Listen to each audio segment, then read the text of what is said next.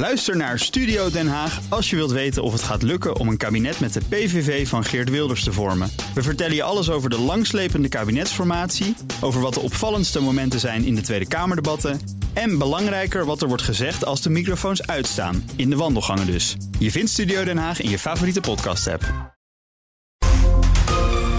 Heb jij de BNR-app al? Met breaking news in de podcast De Koude Crypto-oorlog. Download de app en blijf scherp. BNR Nieuwsradio. BNR breekt. Ivan Verrips. Goedemorgen en welkom. Vanaf half twaalf praat ik over het nieuws van de dag. Over klimaatexperts die versteld staan van het extreme weer in de wereld. En de nieuwe co-voorzitter van de VN-klimaatpanel IPCC, Bart van der Hurk, die zegt de tijd van waarschuwen is voorbij. We moeten focussen op de oplossingen. Is dat inderdaad een goed idee? En openlijk solliciteren naar een nieuwe baan. Terwijl je baas meekijkt. Vroeger was dat natuurlijk not done. Tegenwoordig mag het gewoon. Herkenbaar, wellicht. Dus iemand, mocht je nog een leuke baan hebben, je weet het te vinden. In mijn panel vandaag, Tarim Ramjan, verslaggever bij Parool. Goedemorgen. Hallo. Goed dat je er bent. En Sophie Koppian, media-analyst en student politieke communicatie. Goedemorgen. Goedemorgen. Goed dat je er bent. We gaan beginnen met... BNR breekt. Breekijzer. En dat breekijzer heeft te maken met batterijen en accu's. Die zijn alomtegenwoordig in smartphones, laptops, tablets, horloges, elektrische steps, fiets, auto's. En die moeten natuurlijk worden opgeladen voor gebruik. Dat gaat meestal goed en soms ook mis. En daarom pleit de veiligheidsregio Amsterdam-Amstelland bij nu.nl om bewuster op te laden, om de risico's te verkleinen. En ook raadt de veiligheidsregio aan om je smartphone niet onder je kussen te leggen als je hem oplaadt. En eigenlijk sowieso niet op te laden terwijl je slaapt. Dan kun je je smartphone namelijk niet in de gaten houden. En er niet van het stroom halen als de batterij vol is. Want ook voor zo'n accu zou gelden, vol is vol. Maar ja, wie laat nu niet zijn of haar smartphone s'nachts op? En wanneer moet je het anders doen? Hoe reëel is deze oproep eigenlijk? En ja, zijn we die gevaren van dat laden aan het onderschatten? Dat is ons breekijzer vandaag. De risico's van accu's en batterijen worden onderschat. Ik ben heel benieuwd hoe jij erover denkt. Het ermee eens? Denk je dat we te weinig weten van de gevaren die er zijn? Gaan we er te achterloos mee om? Of vind je het flauwekul? En gaat opladen al jaren goed? Heb je nooit problemen? En denk je, joh, ja, vroeger hadden we kaarsen in de kerstboom. Dan kon die kerstboom in de fik vliegen. Uh, dat doen we ook niet meer. Ja, dit gaat ook vast vanzelf voorbij. De innovatie maakt vast, uh, gaat vast voort. Dit probleem lost zichzelf op. 020 468 4 keer 0 is ons telefoonnummer. Breekijzer dus. De risico's van accu's en batterijen worden onderschat.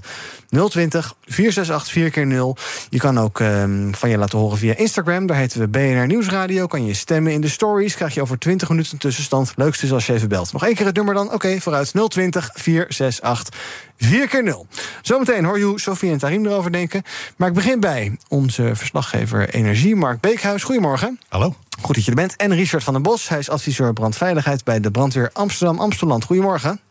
Goedemorgen. Ja, Richard, ik begin bij jou. Eigenlijk uh, weet misschien iedereen wel iets van de risico's, maar passen we ons gedrag niet echt aan? Ons breekijzer vandaag. De risico's van accu's en batterijen worden onderschat. Wat vind jij?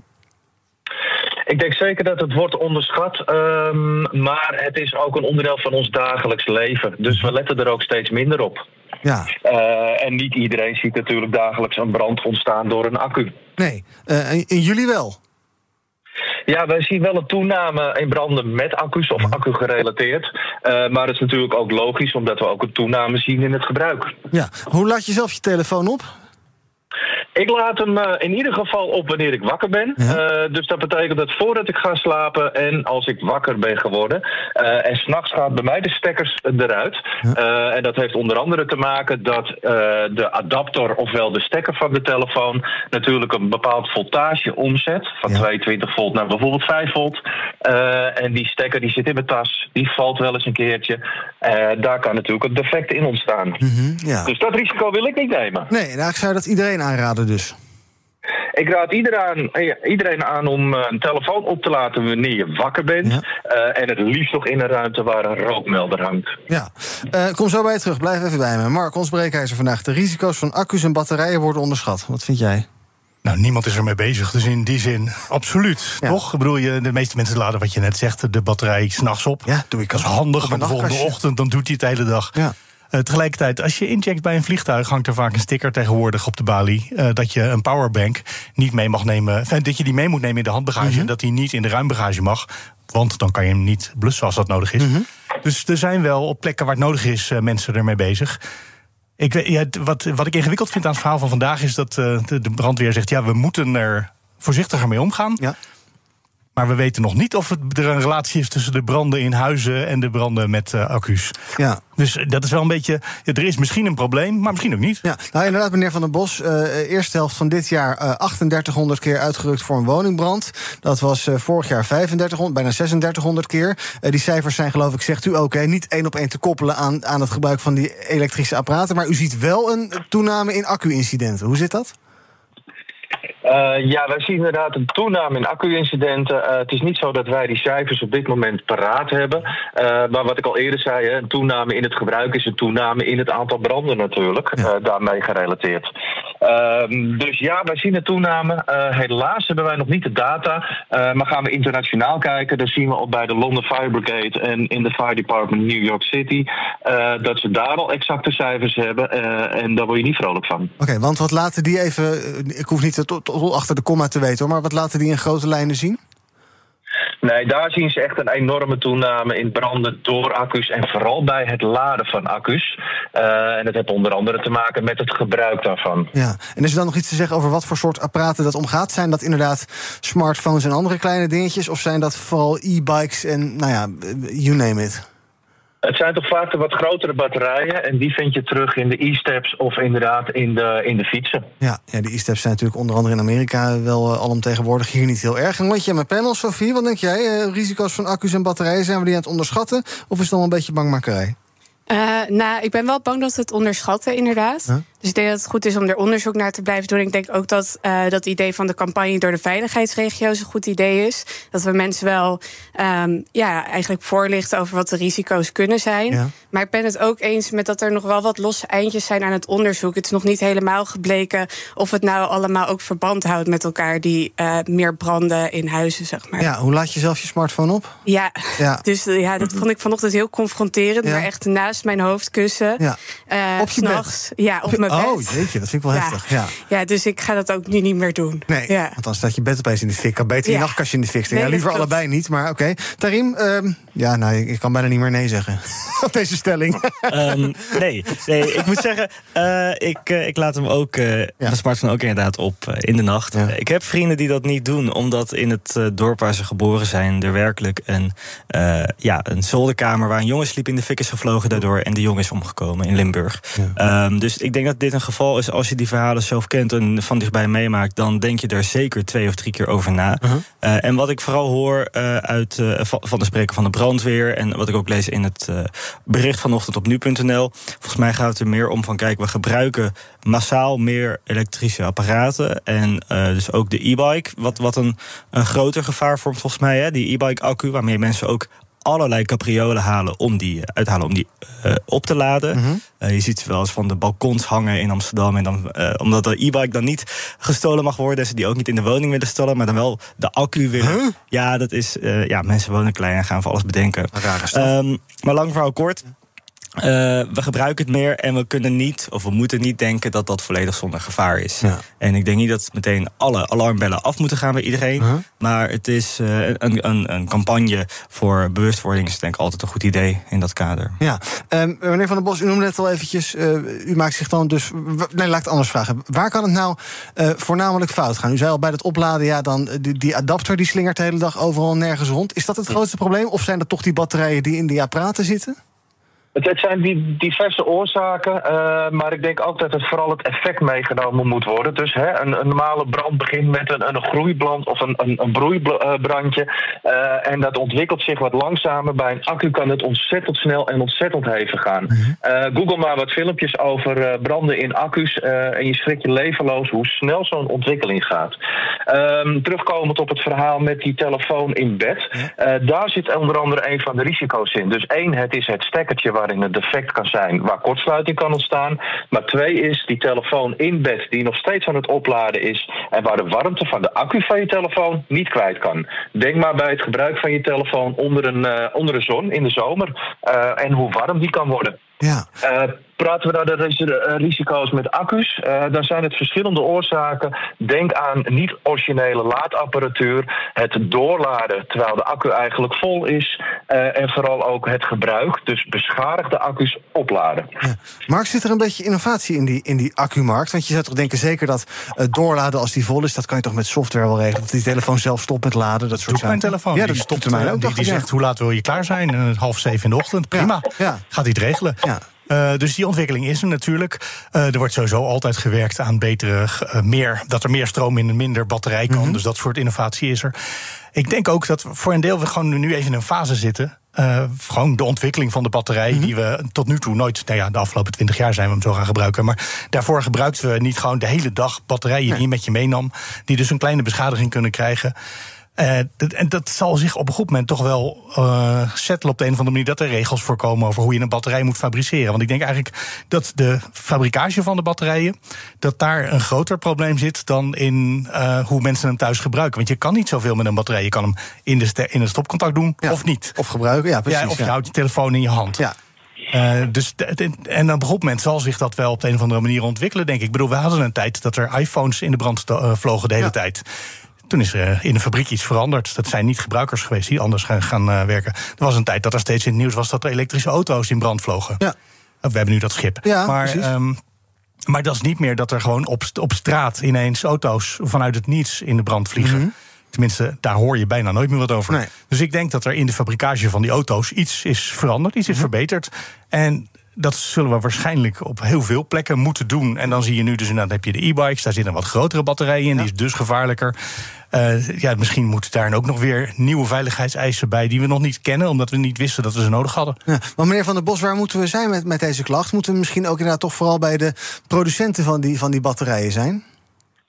Uh, ja, maar daar zie je al dat er wel een ontwikkeling aan de gang is, inderdaad, wat, wat, uh, uh, wat al eerder gezegd is. Dat er andere soort materialen gebruikt worden in een accu, waardoor een brand of uiteindelijk een thermal runaway minder snel zal ontstaan of juist niet zal ontstaan. dus ja, er zijn gelukkig ontwikkelingen, mm -hmm. maar de markt is natuurlijk nooit zo snel dat dat morgen is opgelost. Nee. Ben jij, Tarim, een beetje terughoudend met als het gaat om, nou, op allemaal van die leuke Chinese sites koop en zo. Ik heb wel eens een keer een uh, powerbank gekocht voor, ik geloof, 13 euro. Dat is een heel fijn ding. Maar dan denk je ook een beetje, ja, ik weet eigenlijk niet precies wat ik in huis haal. Maar god, ja, zolang het goed gaat, gaat het goed. Nou, ik moest er net aan denken toen er gezegd werd van koop originele opladers. Uh, ik weet nog dat ik op een gegeven moment een MacBook-oplader nodig had. En ook heel snel. En dat die zijn duur, die dingen. 90 ja. euro inderdaad. En uh, ja, toch maar overstag gegaan. Maar het, de verleiding is heel groot om uh, op AliExpress of weet ik veel wat iets voor een tientje te kopen. En ja, weet je, als consument denk je dan, oké, okay, hij doet het. Ik ben blij. Ja. Um, dus ja, die verleiding is heel groot. Ja. En ik, um, het, het, punt is natuurlijk, je hebt geen zicht op hoe dat dan gefabriceerd wordt. Uh -huh. uh, maar ja, dat weet je natuurlijk bij zo'n Apple-oplader ook nee. niet. Die zal dan wel veiliger zijn, dat geloof ik graag en neem ik ja. graag aan. Maar ik denk dat de vraag dan vooral is: hoe kan je overbrengen op mensen dat het toch echt van belang is om die dure oplader te kopen? Zeker omdat mensen dan toch ook een gevoel hebben van: oh jeetje, word ik weer afgezet door Apple. Ja, en dan zal de firma Apple of de firma Samsung ook wel belang bij hebben. Maakt het ja, inderdaad uit, meneer Van den Bos, of je, uh, ik zeg maar eventjes, uh, dure, dure spullen koopt van uh, aanmerken, of dat het allemaal een beetje wat duisterder is? Ik denk niet dat het specifiek gaat om, om aanmerken, maar wel dat de desbetreffende kabel en oplader behoort bij het merk. Of van hetzelfde merk afkomstig is. En dat is ook omdat die op elkaar afgestemd zijn. Mm -hmm. uh, en daar staan toch vanuit de fabrikant vaak wat, wat meer uh, kwaliteitseisen aan, omdat het natuurlijk ook hun branding is. Ja.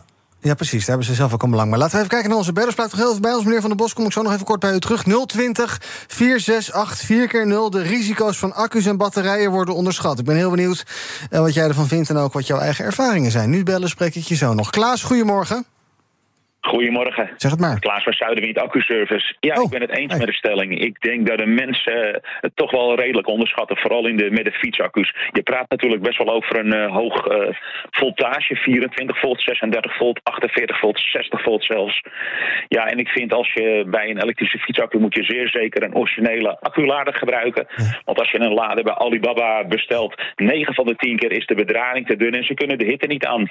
En dan krijg je vaak sluiting, wat wij uh, hier ja, dat is onze ervaring wat wij hier met mensen aan de deur krijgen. Ja. Vaak imitatiespullen. En dan komen ze Ja, bij u. En, gebruiken. en dan komen ze bij u, dan is de boel eh, naar, naar, naar zijn naar grootje en dan moet er een nieuwe komen. Ja, dat klopt. En wat kunt u dan voor ons betekenen? Ja, helaas niks. En dan vertellen ze hun verhaal dat ze in plaats van eh 80 euro voor een lader... hebben ze een lader van 20 euro gekocht.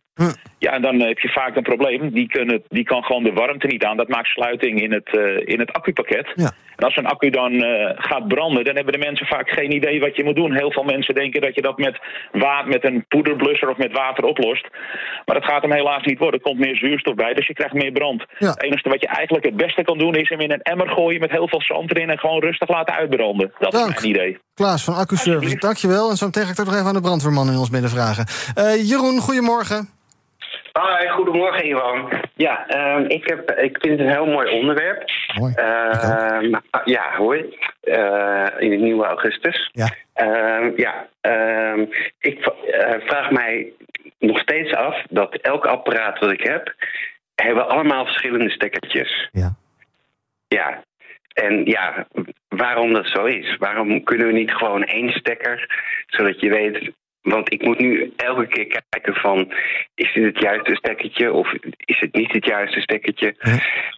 Ja, Ja, Dus, nee, het goede, de ja. vraag is duidelijk. Nee, ik ga het zo vragen aan, eh, aan eh, Mark. Want die heeft denk ik ook wel enig zicht op hoe dat... Er waren geloof ik allerlei Europese afspraken. Nou, kom ik zo wel even op terug.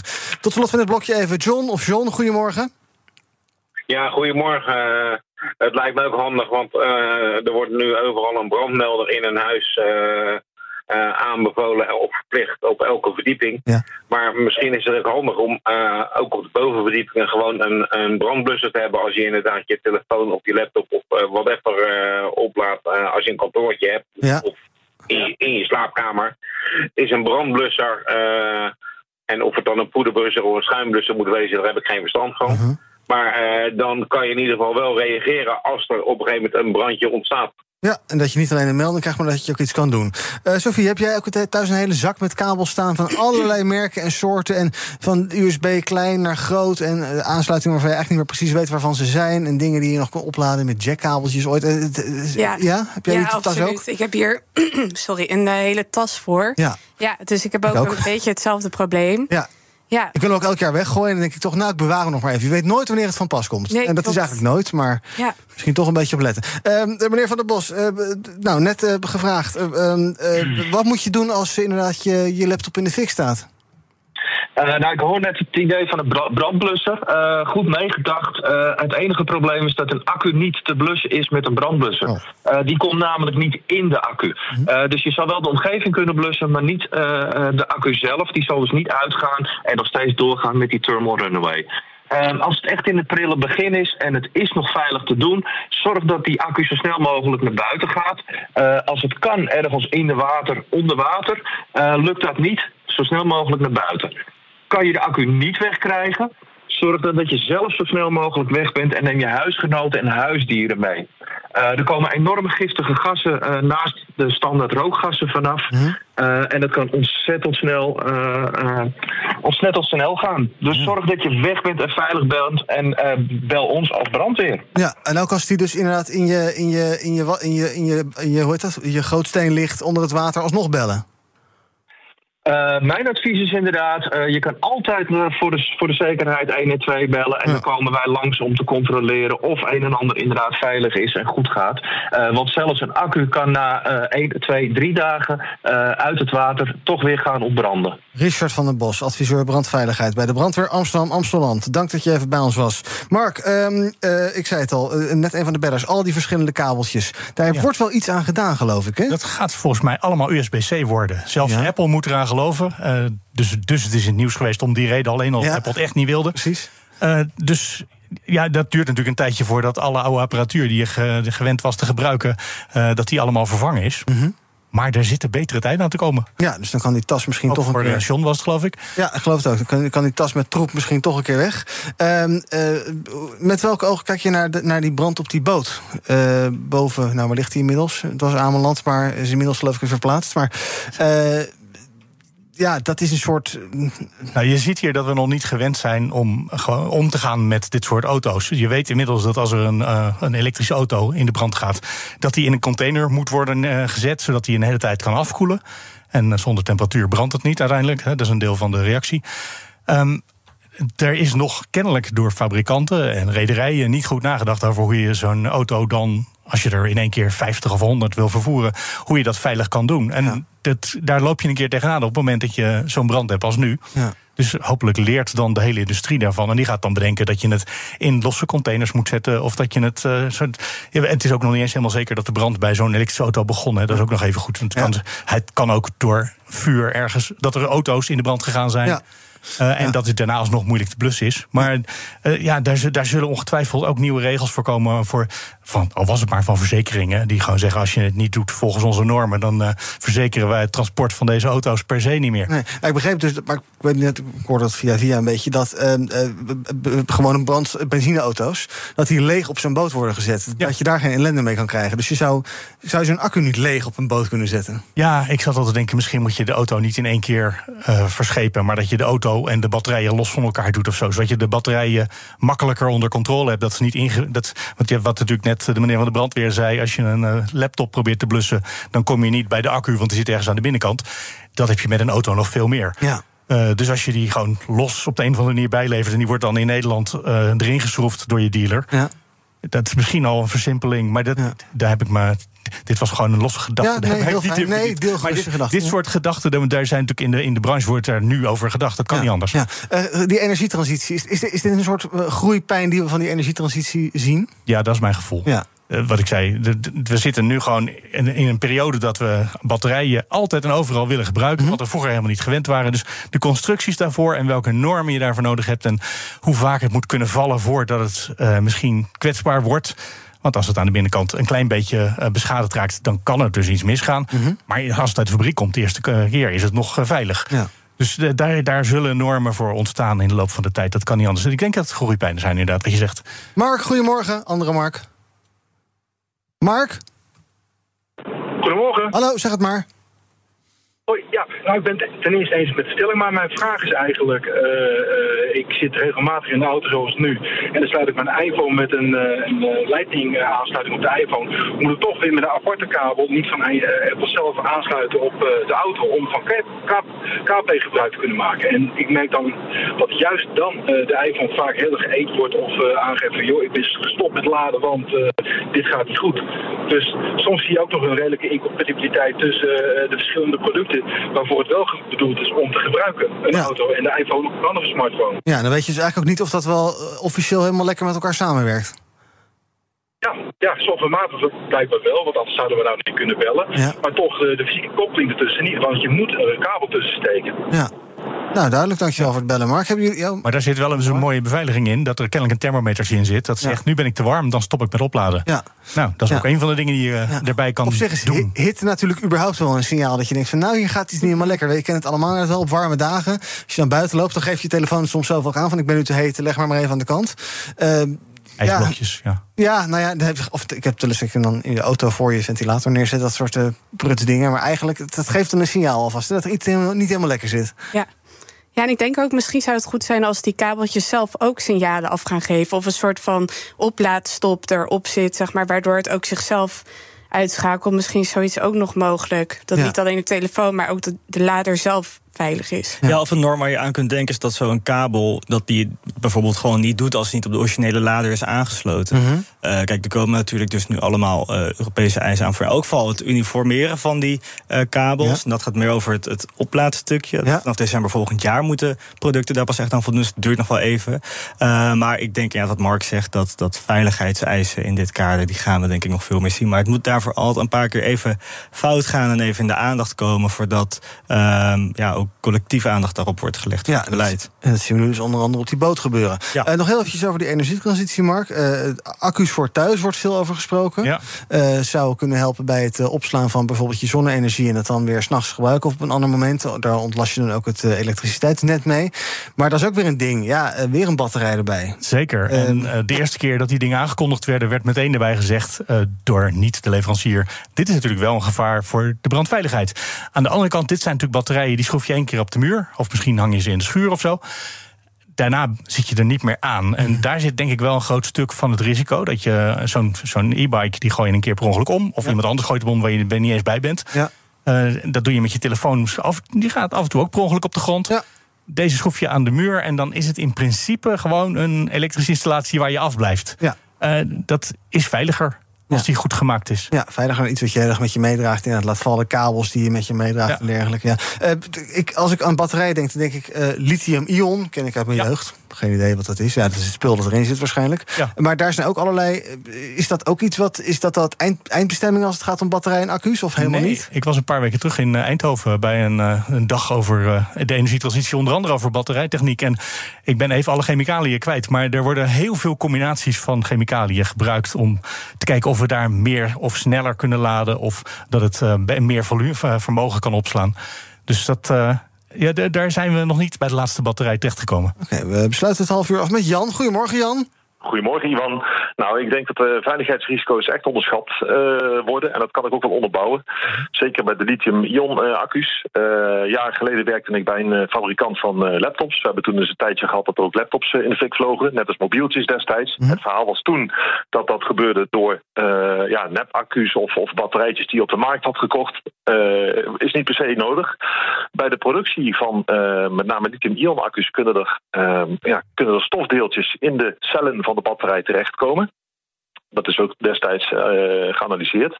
En natuurlijk worden die tijdens het productieproces uh, afgezogen en zoveel mogelijk verwijderd. Maar dat kan toch altijd misgaan. Vervolgens kun je een perfect goede batterij uh, op de markt brengen, die maanden goed gaat. En dan ineens spontaan zonder enig risico kan ontbranden. En het is chemische brand, die kun je natuurlijk niet blussen, dat verhaal, dat kennen we. Maar ja. je lost dit ook niet op door de batterij bijvoorbeeld in een auto te plaatsen. En dan leeg, dus zonder spanning op een boot te zetten. Of door de kabels niet erin te doen. Als er een vervuiling optreedt, dat is gewoon een ding. En het is gewoon een risico van een lithium-ion batterij, ja. het productieproces.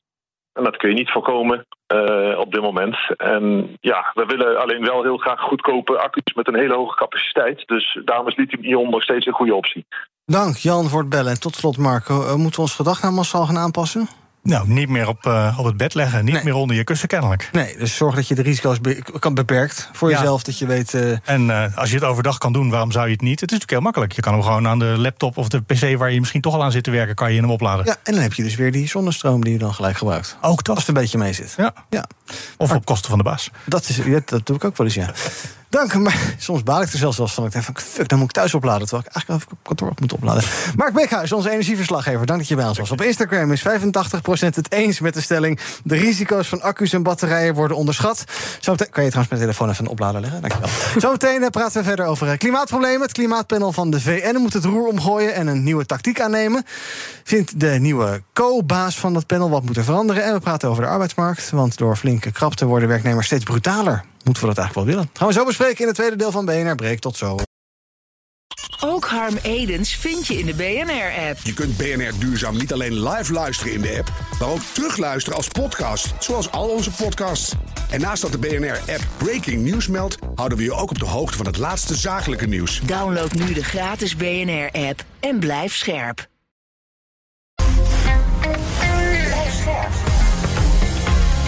BNR Nieuwsradio. BNR breekt. Ivan Verrips. Welkom terug. In mijn panel vandaag Sophie Koppian, student politieke communicatie, dus ook media-analyst. En Tarim Ranjan, verslaggever bij het Parool. En we gaan praten over het eh, nieuws van de dag. Te beginnen met het klimaat. De nieuwe Nederlandse topman van het IPCC, het Intergovernmental Panel on Climate Change van de VN, wil een andere toon zien in het klimaatdebat. Minder waarschuwingen en meer oplossingen. Over de hele wereld zien we extreem weer. En dat laat de klimaatexperts dus behoorlijk schrikken. En daarom pleit die eh, co-voorzitter Bart van der Hurk... vrij prominente positie die hij sinds kort heeft... in trouw voor een nieuwe aanpak bij dat IPCC. Ehm, nou, ik zei het dus al, extreme hitte in Zuid-Europa, Amerika, Azië... temperaturen van de oceanen stijgt sneller dan ooit gemeten... ijs op de polen is nog nooit zo snel gesmolten... eh, hagelbuien, extreme vormen, stortregens, overstromingen, you name it. En van der Hurk zegt, nou, waarschuwen is een beetje verleden tijd. We zijn toe aan nadenken over de gevolgen van klimaatverandering. Ehm, en dus ook vooral met oplossingen. En dat is natuurlijk toch wel ja, een beetje cru misschien. Dat IPCC heeft vele rapporten van honderden pagina's... soms wel duizenden pagina's afgescheiden. En nu, Sofie, blijkt dat het eigenlijk allemaal voor niks is geweest. Nou, het is niet voor niks, maar ik denk wel dat het een terechte oproep is om uh, wat meer na te denken over oplossingen. En vooral oplossingen die um, gewone mensen in hun leven kunnen toepassen.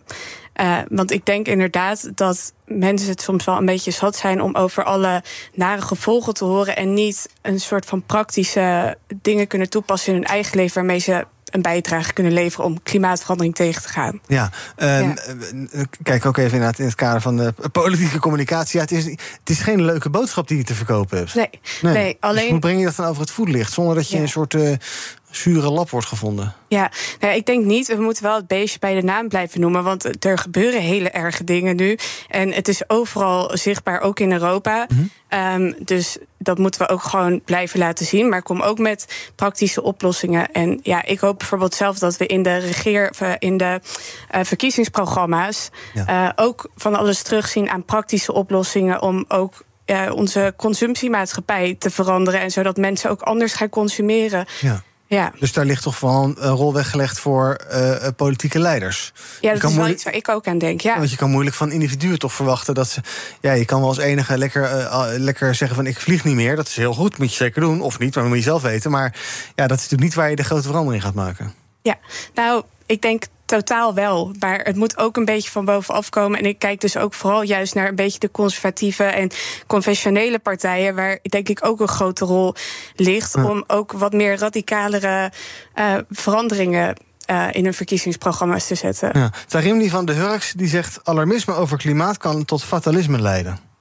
Nou ja, het, uh, ik snap al wat hij daarmee bedoelt. Het kan ook leiden tot een soort van uh, berusting in... oh, het gaat sowieso fout en we kunnen er niks meer aan doen. Hij zegt op een gegeven moment ook van...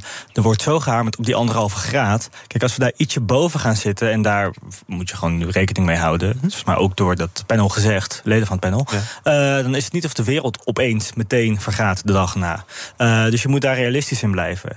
En kijk, wat, waar ik me bij aansluit... in, in communicatie kun je ervan uitgaan dat een bericht mensen aanspreekt als het ze een beetje persoonlijk raakt. Dus als je iets ziet over bosbranden in Australië als Nederlander, denk je waarschijnlijk: oké, okay, vervelend, maak er weg. Ja, precies.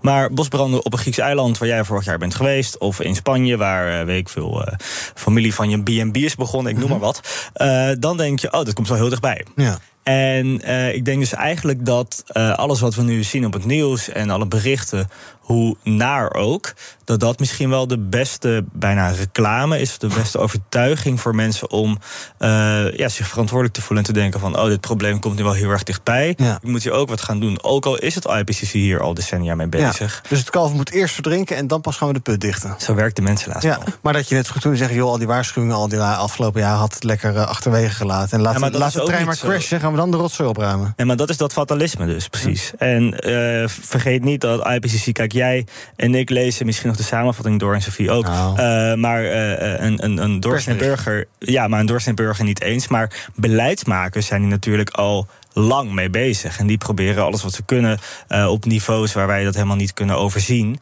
Um, uh, dus het is niet voor niks geweest. Ja, die anderhalve graden waar uh, Sofie het net over had. inderdaad, Parijs. Hè, we hebben het steeds maar over Parijs. En die anderhalve graden gaan we toch niet redden. Kunnen we Parijs dan ook vergeten? Klimaatakkoord van Parijs? Ja, nou ja, ik, uh, ik zou niet zeggen van we gaan het compleet opzij schuiven. Ik denk dat het nog steeds uh, nastrevenswaardig is, ook die anderhalve graad. Uh, uh, maar je moet dus wel realistisch blijven. Je moet dus ook een plan bedenken en hebben voor... oké, okay, wat nou als het niet lukt? En niet zeggen van oké, okay, het is niet gelukt... en we gooien het kind met het badwater weg en we geven het maar gewoon op. Ja, misschien werkt dit wel beter, toch? Dat je ja, wat constructiever erover nadenkt... in plaats van alleen maar waarschuwen. Het voelt ook, die IPCC-rapporten voelden altijd, Sofie, een beetje als een gegeven vingertje. Ja.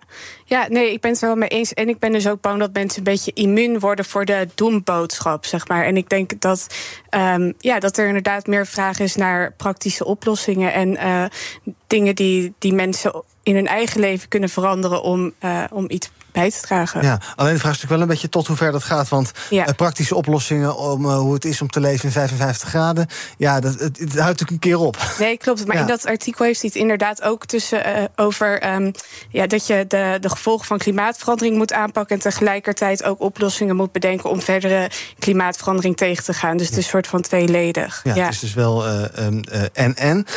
Tarim, net wat nog even besproken met Sophie... Waar, waar ligt de rol voor individuen? Waar ligt de rol rol voor politici en waar ligt de rol voor bedrijven? Dat is een soort driehoekje van ja. Ja. eh, spelers die je hebt in dit eh, debat.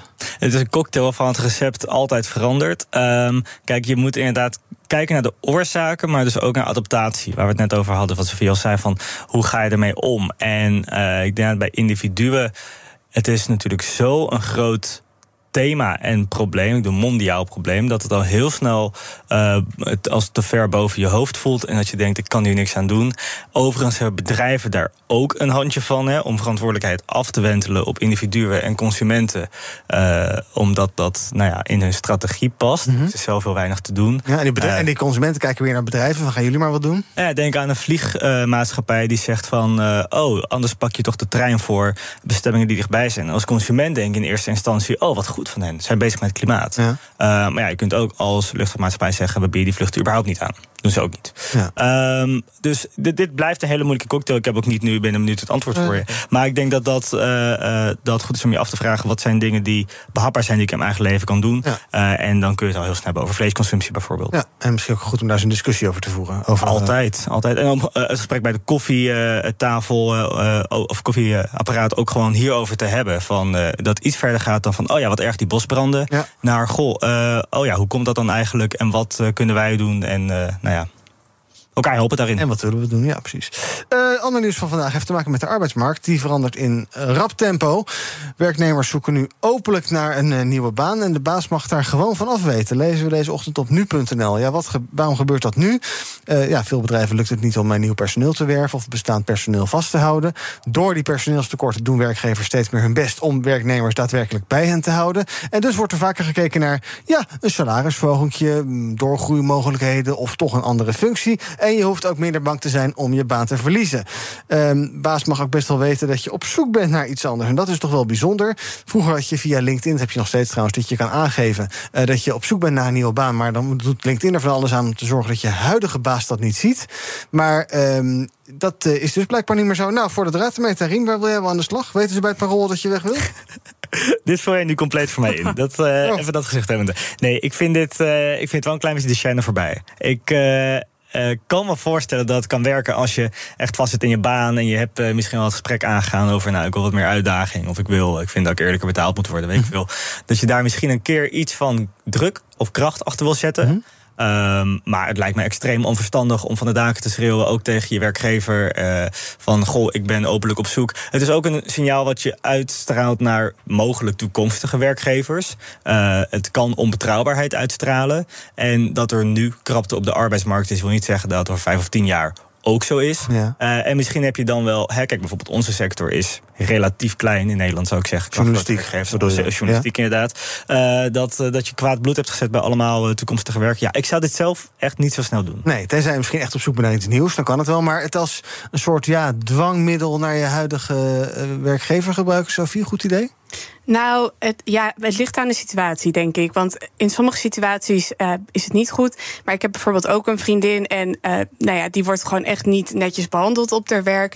En ehm, die krijgt ook niet eh, loon, wat eigenlijk geschikt is voor haar leeftijd, zeg maar. En die heeft wel aangegeven van oké, als, als ik hier niet over kan onderhandelen, dan zoek ik een andere baan. Ja, en op zich, het geeft werknemers soms ook wat meer zekerheid. En eh, ook wat meer kansen om wel eh, te onderhandelen Ja. over een hoger loon. Kan ook iets positiefs zijn. We zitten nu in hoogconjunctuur. En straks komt er wel misschien weer laagconjunctuur. En dan kun je er niet meer over onderhandelen. Dus het hoeft niet per se het slechtste te zijn. Nee, want op zich, die werkgever speelt natuurlijk ook hard. Het is eigenlijk, ja. Ja. werk is ook voor een groot deel toch een soort zakelijke transactie, toch? Ja.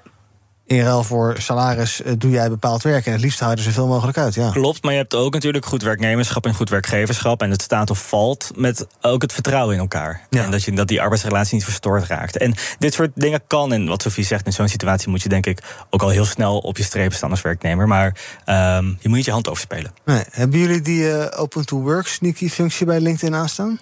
Ik heb het nog nooit gebruikt. Nee, ik ook niet. Ik kan helaas geen commentaar geven. Bij BNR ben je altijd als eerste op de hoogte van het laatste nieuws. Luister dagelijks live via internet. Bas van Werven. En heel langzaam komt de zon op rond dit tijdstip. Je krijgt inzicht in de dag die komt op BNR, het Binnenhof in Nederland en de rest van de wereld. De Ochtendspits. Voor de beste start van je werkdag. Blijf scherp en mis niets. Redacteur Vins bij Nielsen. Nou, ik spreek geen woord Vins, het heeft niet zoveel zin. Oké, ehm, we gaan eh, kijken naar wat jullie zelf is opgevallen in het nieuws. Tarim en Sofie. Ik wil bij jou beginnen, Sofie. Nou, Heineken. eh, Edwin zei het al. eh, laten we er gelijk over doorpraten. Bierbrouwer heeft de winstverwachtingen verlaagd. Edwin zei het al. Het FD schreef het bijvoorbeeld. Het zit op sommige plekken tegen. Onder andere in Vietnam bijvoorbeeld. Maar jij wil het vooral hebben over Rusland. Wat is er aan de hand? Ja, ik wil het hebben over inderdaad dat tweede deel van het artikel. Dat Heineken nog steeds niet weg is uit Rusland. En ook dat in Follow the Money heeft het dan onderzocht. Dat ze eigenlijk ook hebben gelogen over. Dit is een dochteronderneming in Rusland. En eigenlijk hebben wij daar weinig mee te maken. En eh, zijn er ook geen financiële banden. Nou ja, die zijn er wel. En ze hebben ook eh, nieuwe producten op de markt gebracht. Onder andere van eh, een vervanging voor Coca-Cola en Guinness. ehm, die zich wel netjes hebben teruggetrokken uit Rusland. Ja, dus mijn statement is eigenlijk: ik ga gewoon geen Heineken meer drinken. Want ehm, ja, ik sta hier niet achter. Dit is voor mij niet een toonbeeld van Hollandse trots meer.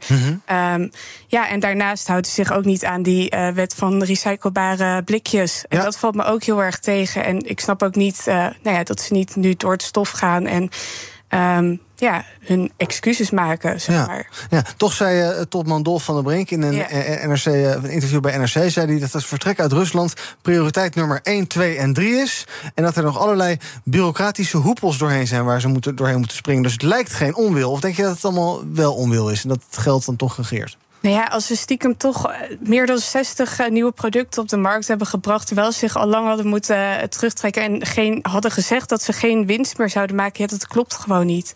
Ehm, ja, dus wat mij betreft boycott ik eh, Heineken. Ja, en als het nou echt, eh, als nou echt kijk, we hebben andere merken gehad. eh, eh, Danone bijvoorbeeld. En ook Carlsberg, de bierbrouwer. Daarvan zijn de Russische onderdelen genationaliseerd. Ja. Ja, dat wil je natuurlijk ook niet hebben. Dus je moet heel, het is een heel, heel moeilijk landschap waar je in moet acteren. Klopt, maar dat risico is er sowieso. Ja, dus ehm, ook nu ze met die overname bezig zijn, dat kan nog steeds gebeuren. Ja, voor jou geen Heineken meer. Dus welke eh, biermerk wel? Eh, nou, ik hou persoonlijk wel van Gols, dus ik Oh ja. denk dat ik daarop overga. Ja, uit Ja. Enschede. Wel goed, lekker dicht bij huis. Ik weet niet, zijn er niet op de Russische markt actief, hoop ik. Anders heb je daar Nee, dat hoop ik niet. Nee, nou, we moeten nog maar even uitzoeken. Oké, ehm, Tarim, jij wil het hebben over eh, eh, ouderen op e-bikes. Ja, eh, Vertel. Nou, elke zoveel maanden of elk jaar wel wordt er een oproep gedaan tot een helmplicht op de fiets. En die eh, wordt nu eh, gelinkt aan de e-bike en nu specifiek aan ouderen op de e-bike. Want wat eh, zien artsen? Die zien dat in onder meer in Amsterdam, maar ook in Flevoland, Brabant, dat er veel meer traumapatiënten in het ziekenhuis komen met echt wel complex en ernstig letsel. Ze denken aan hersenletsel. En het zijn dan toch voornamelijk ouderen op de e-bike. Nu vallen sowieso ouderen vaker van de fiets. Maar zo'n e-bike gaat, gaat sneller dan, dan ze gewend zijn. Ehm, en dan ze ook eh, verwachten. Ehm, en ehm, ik, ik moet denken aan een van onze columnisten in het Parool, die, Fons Hendricks, die ook bij eh, radarverslaggever is. Die had al eerder daarover eh, geschreven. eh, eh, over dat dat misschien wel een goed idee zou zijn. En, en nou ja, ja, ja, maar dan specifiek dus voor ouderen op de e-bike. Dus wel echt alleen een, een hele specifieke plicht. discriminerende plicht boven een bepaalde Nou leeftijd. ja, dus dat waren inderdaad de reacties die binnenkwamen. En ouderen die zeiden van ja, ik ben toch niet gek en ik ben hartstikke fit en weet ik veel wat. Maar ja, een fietsongeluk dat zit altijd natuurlijk in een klein hoekje. En ehm, wat de arts ook zegt is, ehm, nou ja, ouderen die zijn langer actief. Eh, dus in die zin zijn ze natuurlijk hartstikke gezond bezig. Eh, maar ook kwetsbaarder. En ehm, het is wel goed om te weten de echte harde cijfers die zijn nog niet echt te vinden. Ehm, in elk geval wel eh, over, dat, eh, over me- überhaupt mensen op een elektrische fiets die in het ziekenhuis belanden. Het zijn er dan in, in Amsterdam bijvoorbeeld 160 meer dan vorig jaar, in Flevoland ook. Ehm, dus dan kun je toch liever eerder kijken naar een algemene helmplicht. En daarvan zegt de Fietsersbond. Wij zijn op zich wel voor die helm, maar we zijn tegen een plicht. Want we Ja. zijn bang dat dan minder mensen gaan fietsen. Ja, die stappen lekker in de auto, want die willen niet zo'n vervelende helm op. Ja, dus of je moet iets doen eh, om een soort cultuurverandering te bewerkstelligen. Dus bij deze is de vraagbaak voor ideeën geopend. hoe maken we een helm sexy, populair? En anders dan eh, blijft dit een, eh, een storm die elke paar maanden terugkeert. Ja, je moet een beetje denken aan, eh, ja, misschien een beetje, toen ik het las ook een beetje raar, misschien maar aan skiën. Dat gebeurde vroeger, zeg maar 10, 15 jaar geleden, zag je ook allemaal mensen zonder helm skiën. Dat is toch een soort van vanzelf gegaan. Het grootste, merendeel van de mensen heeft tegenwoordig een helm op. Blijkbaar kan het daar wel, zonder verplichting. Kan jij Tarim helpen, Sofie, met nou ja, hoe we ervoor kunnen zorgen dat meer mensen zo'n helm op doen? Bijvoorbeeld, je hebt, je hebt die deelscooters, in, eh, onder andere in Amsterdam. Daar zijn ze tegenwoordig ook verplicht. Ik zal eerlijk zijn, het is voor mij de reden dat ik niet meer zo'n deelscooter gebruik. Want ik vind die helmen hartstikke smerig. Ja. Eh, ja, ik, misschien kunnen ze wel een helm doen gratis bij de elektrische fiets. Dat je er gewoon sowieso een bij krijgt. Dat, je niet, dat de drempel niet hoog is, dat je hem ook nog erbij moet kopen. Mhm. Ja. Ligt zoiets. Ja, en wat ik me nog afvroeg, want zeg maar, ik vind zelf ook dat mensen te jong op zo'n elektrische fiets fietsen. Vind jij Ja, niet dat er ook eens. een soort minimum leeftijd moet zijn? Want dat is iets waar ik in Amsterdam wel voorstander van zou zijn. Omdat ik zie ook echt jonge kinderen op zo'n e-bike en die gaan echt super snel. Of zo'n fatbike die zo voorbij Het is echt gevaarlijk. Ja, klopt zeker. Maar die dingen kunnen worden opgevoerd tot 30, 40 km per uur. Ja. Eh, dus het gaat hartstikke hard voor, een, eh, voor, voor eigenlijk iedereen wel. Maar zeker als je 11 bent en op zo'n ding fietst. En je weet ook gewoon niet meer hoe het is om eh, wind tegen te hebben. En eh, eh, dat het gewoon even tegen zit, zeg maar. En als je naar school moet fietsen, je wordt er ook minder fit van, denk ik dan. Ehm, ja, ik, alleen krijg je dan weer dus het vraagstuk van discriminatie, leeftijdsdiscriminatie en ook uitvoerbaarheid. Uh, er is wel eerder gepleit voor een maximumsnelheid voor e-bikes. Maar ja, ook daar is uitvoerbaarheid weer een dingetje. Dus ik denk dat uiteindelijk die helmplicht, ja, ik durf het niet te voorspellen, maar dat. Dat het misschien inderdaad wel een keer, zoals met wintersport, met skiën, eh, dat het toch een keer wat normaler wordt. En ehm, toen ik daar eerder wel eens mensen gewoon op straat naar vroeg van wat zou je daarvan vinden voor de krant. Toen kreeg je ook dingen als ja, maar ja, hoe zie je dat dan voor je? Dus moet je dan die helm met je meenemen als je even de kroeg in gaat of naar Ah, de ja. sportschool. Uh, maar ja, dat zijn wel hele praktische dingen waar je over kunt nadenken. En wie gaat het handhaven? Al dat soort vragen krijg je En wie dan. gaat het handhaven? Maar ja, bijvoorbeeld in, in Scandinavië is het weer veel normaler om mensen met een helm te fietsen te zien. In Denemarken zie je niet anders bij. Duitsland ook al. Ja. Hartstikke veel mensen, ja. Ehm, Oké, nou ja, we gaan zien hoe het afloopt. Ik ben heel benieuwd. Ehm, ik wou er nog wat over zeggen, maar ik weet het niet meer. Nou, eh, we gaan kijken wat er trend is op socials. Ik had nog een hele zinnige opmerking erover, maar die is me net ontschoten. Elon Musk is trending. Die had op het hoofdkantoor van Twitter, dat nu X heet... een enorm fel verlicht kruis als logo op het dak gezet, maar dat ging niet zonder ophef. The new sign is now causing controversy in the neighborhood, though. Some say it's so bright it disturbs the people in the apartments across the street. The city of San Francisco is investigating if replacing the new sign required a new building permit as well. There's also an inspection to make sure it is structurally sound. Ja, nou, de inspecteur is dus langs geweest en de fel flikkerende X is inmiddels ook weer weggehaald. Een paar dagen tijd waren er 24 klachten van omwonenden binnengekomen. Sommige mensen zijn verbaasd over de keuze van X om eh, met het logo zo asociaal hard te laten knipperen. Anderen snappen de keuze van Elon Musk wel. Het is gewoon één grote reclamestunt. En voilà, we hebben het ook hier weer erover. BVNL is trending. Voormalig 50PLUS voorman Henk Krol. En ja, ik zou bijna zeggen politiek recidivist Henk Krol wil terugkeren naar de Tweede Kamer. Hij gaat dus eh, BVNL van Wieberen van Haga bijstaan. Van Haga spreekt van zijn running mate. Terwijl dat is geloof ik niet iets wat we in de Nederlandse politiek kennen, maar dat terzijde. Vorig jaar nog zei Krol dit over BVNL. Ik kijk naar Van Haga, dan denk ik, oh, stop daar al je energie in. Want als je om je heen mensen hebt die daar niet zitten voor de boodschap, maar die daar zitten voor hun eigen ego, dan gaan heel veel van die nieuwe partijen uiteindelijk kapot. Ja, nou, Krol wil dus zich gaan bemoeien met ouderenbeleid en de zorg.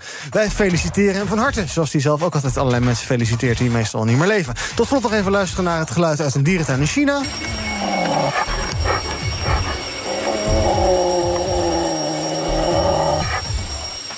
Ja, wat horen we hier? Is dit een Maleise beer of is dit een mens die een Maleise beer nadoet? Die vraag houdt bezoekers van de dierentuin in Hangzhou al even bezig. Ze denken namelijk dat de beren niet echt zijn. Er zouden namelijk mensen in die berenpakken zitten in dat verblijf.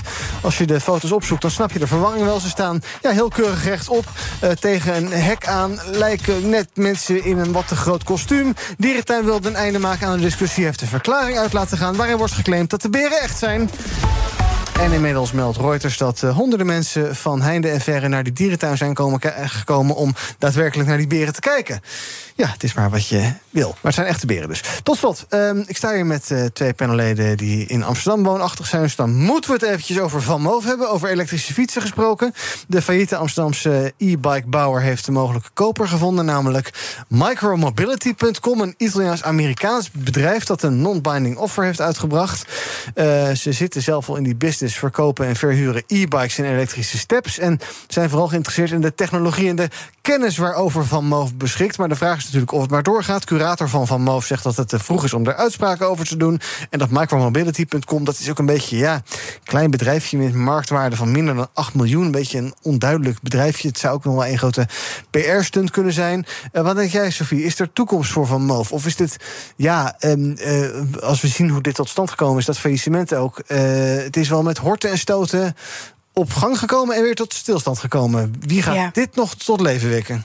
Nou ja, volgens mij was het vanaf het begin al een beetje een mislukking. Want die onderdelen waren allemaal helemaal niet goed uh, repareerbaar. En ja, ik heb er niet heel veel vertrouwen in dat dat dan nu wel gaat werken. Maar ik hoop het wel voor de mensen die hem van boven hebben. Want ja, ja het is wel heel erg zuur. Ja, er moet bijna wel iets ja. voor geregeld worden, toch? Want anders zitten al die mensen met onbruikbare peperdure fietsen. Ja, ja, ja. dus er zal toch iemand uh, deze last op zich moeten nemen. Er zijn al wel autogarages hè, die erop inspringen en zeggen van... oh, wij kunnen hier van Moof repareren. Dus ja, natuurlijk... Ja, de, alleen de die hebben geen uh, onderdelen meer, want die moet van Moof leveren. Dat is failliet. Ja, ja, dus die, uh, die moeten daar uh, die elders vinden. Ja. kijken wat werkt. Ja, en, ja, dat is uh, geloof ik een Frans bedrijf dat dan wel weer iets wil doen. En dat wil ook je van Movel weer opkopen. En dan gaan ze die uit elkaar trekken en die voor onderdelen gebruiken. Ja. Het is een beetje een verdrietig verhaal. Hè, dat het is natuurlijk ellende als je ja. eentje hebt. Nee, en wat me opviel is dat deze partij die, die mogelijk wil overnemen of wil doorstarten, die zeiden: Ja, Van Moof heeft een hele goede reputatie.